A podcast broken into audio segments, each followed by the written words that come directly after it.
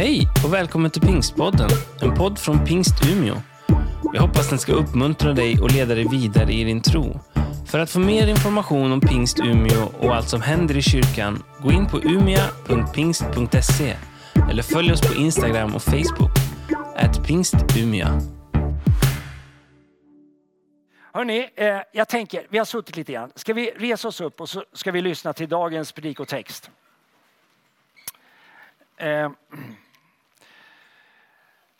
och det är en text som eh, tar oss med till eh, frestelsernas öken. Och vi kommer att eh, upptäcka att även gudasonen hamnade i öknen. Matteus evangelium, det fjärde kapitlet, den första versen och vi läser de fyra första verserna. Följ med mig.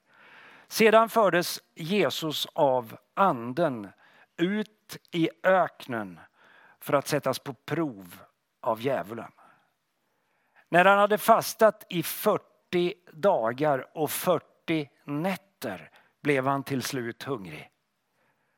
Då kom frestaren och sa till honom, om du är Guds son, så befall att de här stenarna blir bröd.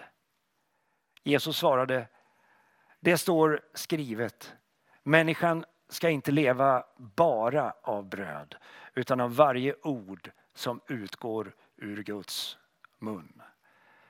Herre Gud allsmäktig, eh, gör detta ord levande. Ge oss en, eh, en förklaring, ge oss vägledning också till oss i vår tid. Jag ber i Jesu namn. Amen. Varsågod och sitt. Om du skulle sätta en rubrik på dagens predikan så är rubriken mycket enkel. Inte bara bröd. Ja, men vi behöver bröd. Alla behöver bröd. Men vi behöver mer än bröd. Och det får väl vara mitt politiska inspel i dagens predikan. Vi behöver inte bara ekonomiska reformer.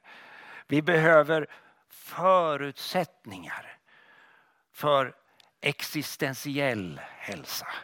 För den andliga dimensionen.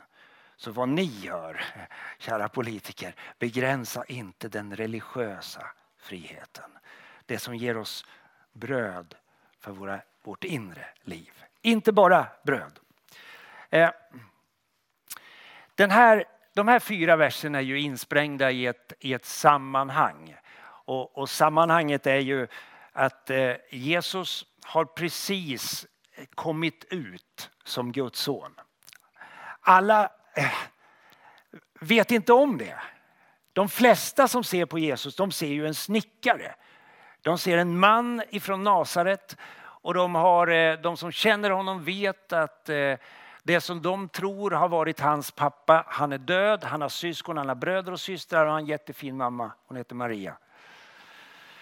Eh, men de vet inte riktigt om att han kommer, han har ett, ett gudomligt ursprung också. De känner inte till hans gudomliga identitet. De känner till hans mänskliga identitet.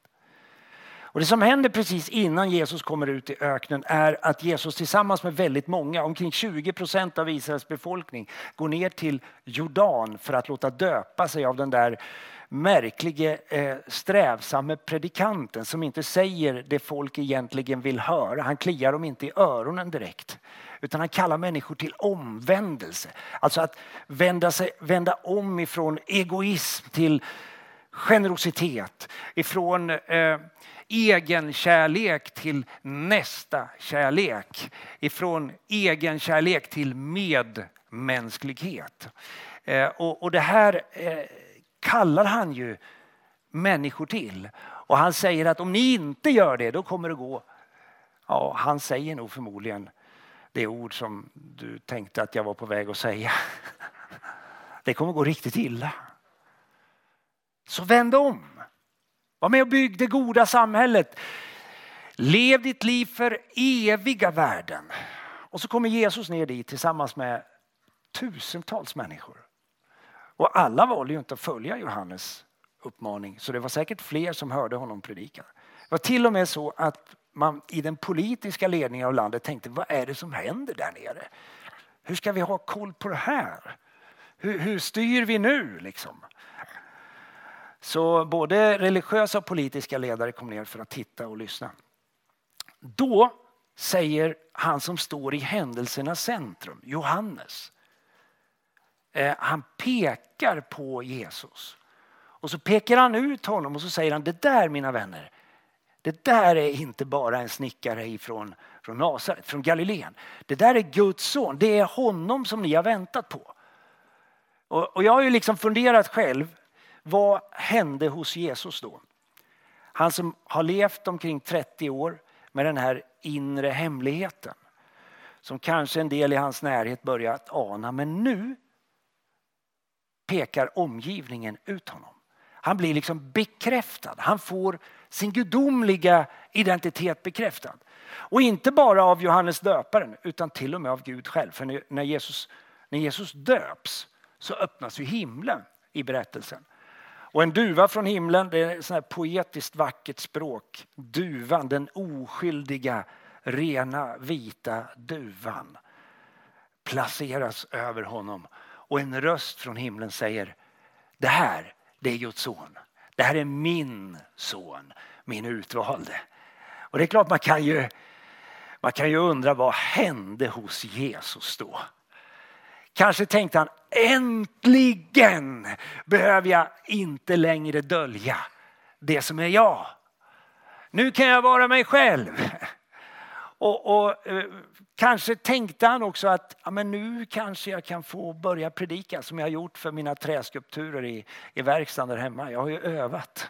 Nu kanske jag kan få, få tala med människor om det som är mitt ärende. Då, istället för liksom att komma ut på estraden i det offentliga rummet så förs Jesus av anden ut i öknen för att sättas på prov av djävulen. Eh, det är liksom sammanhanget. Och sen efter dessa 40 dagar i öknen så börjar hans offentliga gärning. Det är lite grann som när man blir, blir vald till partiledare. Det är alltid en ökenperiod. Kolla på dem. Det, det, de blir granskade från topp till tå. Har man något lik i lasten, nog kommer man att prata om det. Det blir liksom ett drev emot den enskilda. Och tar man sig bara igenom där och kommer ut på andra sidan så är det en starkare ledare som kommer ut än den som gick in där. Så att det verkar vara något som, som alla är med om, inte bara Jesus. Men, ja vi får väl höra. Tre saker. Det här vittnar om biblisk realism. Alla är med om det här. Det här drabbar alla. Ena dagen liksom upphöjd. Va? Åh, du är verkligen den vi har frågat efter. Och nästa dag, om du är, så blir man till och med ifr, alltså till, får till och med sin identitet ifrågasatt. Jag menar, det är en sak att bli kritiserad för det man gör. Men när folk börjar säga, Amen, om du är. Ja, det är ju det värsta som jag råkar ut för. I, i, ibland, det händer. Amen, du som är, är kristen borde väl. Och du, och du är ju pastor ju. Då, borde du, då är det ännu högre krav. Ni fattar ju vad som händer när jag kör i 111. Där det, då hör jag de där rösterna. Om du är, inte 111. Efter 40 dagar och 40 nätter, liksom en markering, han åt inte på nätterna. Han fastade hela vägen. Liksom. Då blev han till slut hungrig. Jag kan förstå det. Har du provat att vara utan mat en dag?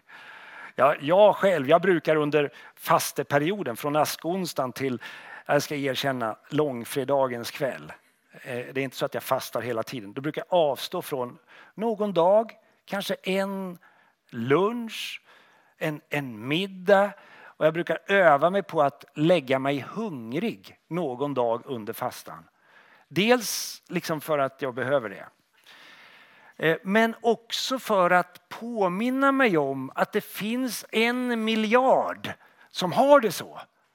Alltså det är ett slags, jag vill vara med dem, jag vill känna hur det känns. Åtminstone en gång varje år vill jag göra det. Men sen är det även en andlig övning, lite karaktärsträning. Det finns liksom en, en, ett, ett andligt perspektiv. Jesus blir till slut hungrig. Och eh, då kommer djävulen och säger om du är Guds son, då kan du väl befalla de här stenarna bli bröd. Det är då han ger det här svaret. Alltså det som är mitt behov nu, det reformeras inte bort med bröd.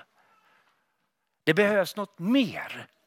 Människan lever inte bara av bröd. Så jag tycker om det här, den här bibliska realismen. Att, att, att vi, det beskriver verkligheten som verkligheten är. Läser man Bibeln så ser man att det är inte, ondskan är inte bortretuscherad. De svåra perioderna är inte bortretuscherade. Hatet, våldet är inte bortreducerat.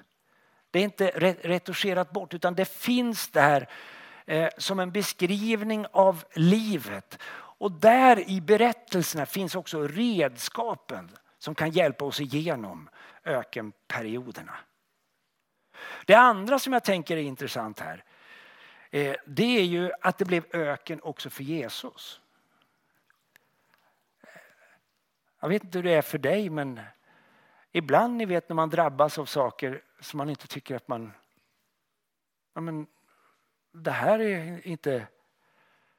Det här har väl inte gjort mig förtjänt av. Det bara drabbar mig. Alltså även Jesus blev drabbad. Och, och det hjälper mig i min relation till Gud. Jag tänker att Gud vet hur det är att vara människa. Han vet till och med hur det är att gå igenom ökenperioder. De där perioderna när, när vi lägger oss hungriga metaforiskt. Alltså, du kan vara mätt men du liksom märker att ah, jag, jag är inte nöjd. Jag mår inte bra. Jag vet inte hur jag ska ta mig igenom. De där perioderna när vårt liv ifrågasätts, till och med identiteten ifrågasätts. Jesus vet hur det är att bli frestad att ge upp. Eh, djävulen är ju sofistikerad. Han visar ju Jesus hela världen. Alltihop det där som han vill ju...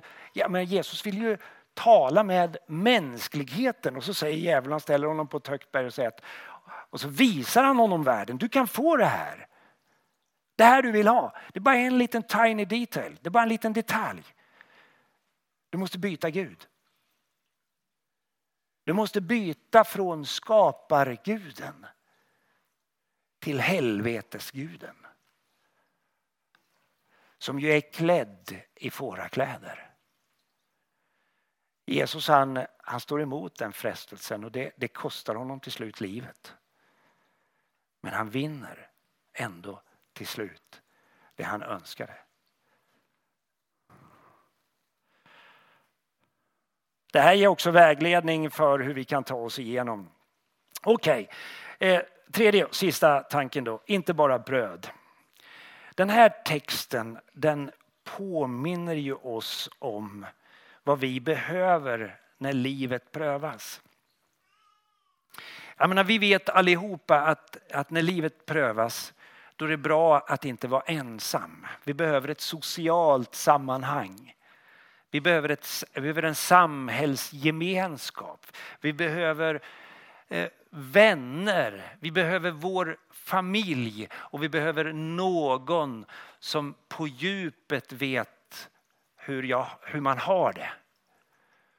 Eh, när jag ser er här så ser jag människor som är, det är ju en gemenskap, en, en, en församling där vi tror och stöttar varandra. Och det är så påtagligt här. När vi för fyra år sedan träffades här i kyrkan, Anders, Hans och jag och alla som var där. Då, då pekade jag på två grabbar, som ensamkommande grabbar som har kämpat för sitt liv och hoppats på en framtid. De hade sökt uppehållstillstånd och jag talade mig varm för dem. Nu sitter de här i gudstjänsten med uppehållstillstånd och på väg in i det svenska samhället. Och, och de är inte här för att käka bidrag. Utan de är här för att göra en skillnad. Och när jag ser er grabbar så ser jag ett pastorspar där nere som har flyttat till Umeå som betyder jättemycket för er. Och då tänker jag, det här är ett nätverk, ett sammanhang. Så viktigt att vi har varandra, att ingen lämnas ensam. Det andra vi behöver, jag menar det är ju väldigt påtagligt, vi behöver en, en fysisk hälsa. Det räcker inte bara med en relationell hälsa, vi behöver en fysisk hälsa. Alltså vi behöver bröd, men inte bara bröd. Eh, och, och, sen kan man ju fundera på om det är mer pengar till hälsovården som löser alla problem. Eller om det är ett förstatligande av hälsovården eller ett privatiserande av hälsovården eller ett kommunaliserande av hälsovården som löser det. Jag vet inte, det, jag tror ni vet bättre än jag. jag. Jag är pastor.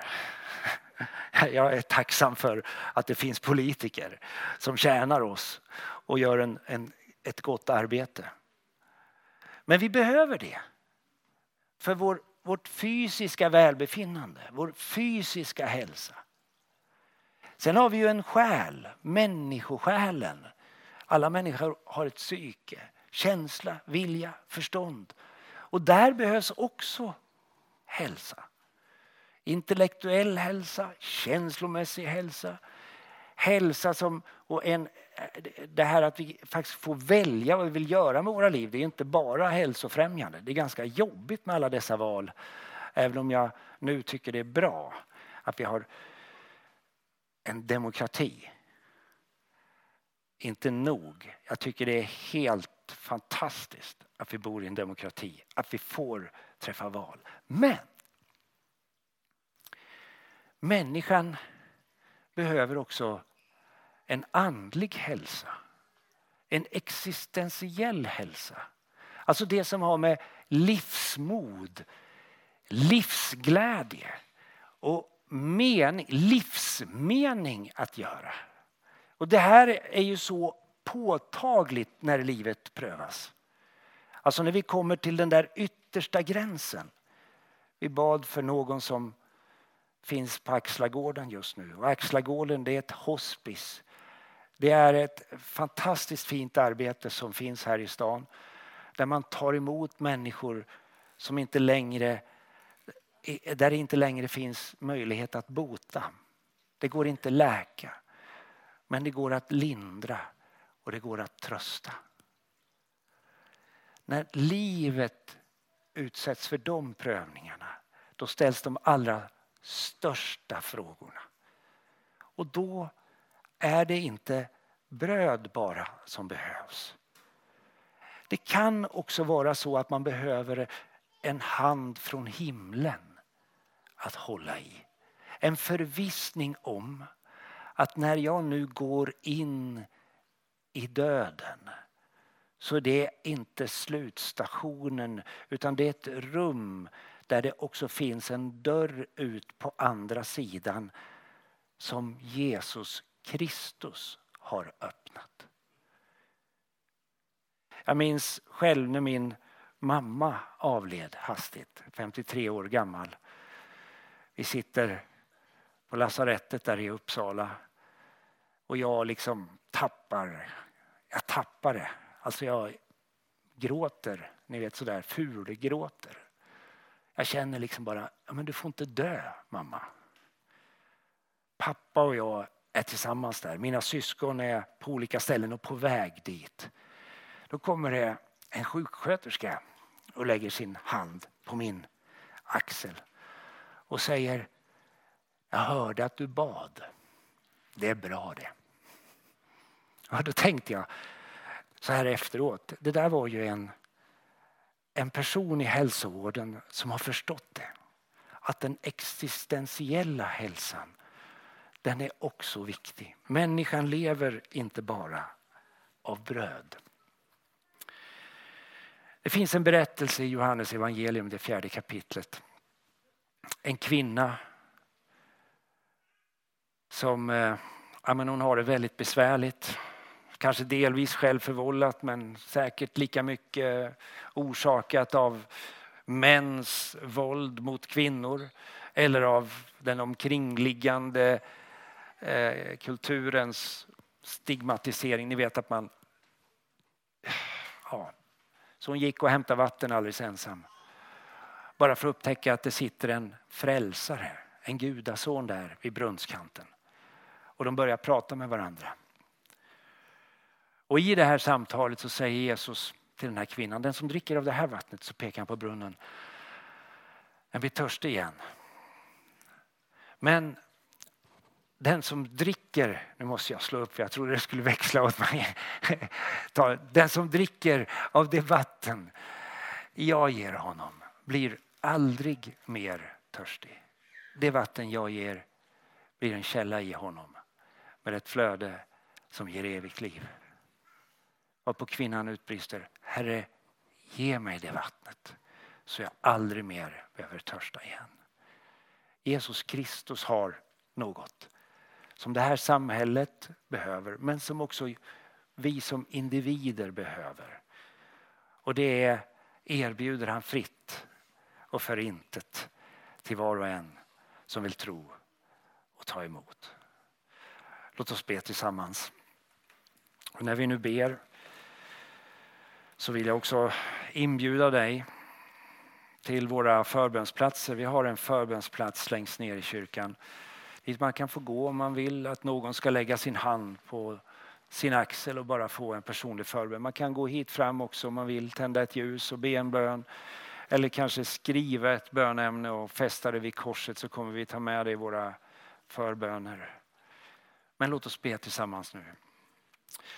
Jesus Kristus, du, du som vet hur det är att vara människa. Vi kommer till dig. Vi kommer till dig med våra liv, med våra berättelser, med allt det som vi har och är. Och tänker och tror att du läser våra liv som en uppslagen bok utan tanke på att hitta det som du kan fördöma oss för. Utan du tittar på det för att du är genuint intresserad av att möta vår andliga längtan med allt det goda som kommer ifrån himlen. Så nu öppnar vi våra liv för dig och din ande och vi ber om välsignelse över avslutningen av den här gudstjänsten. Vi ber i Faderns, Sonens och den helige Andes namn. Amen.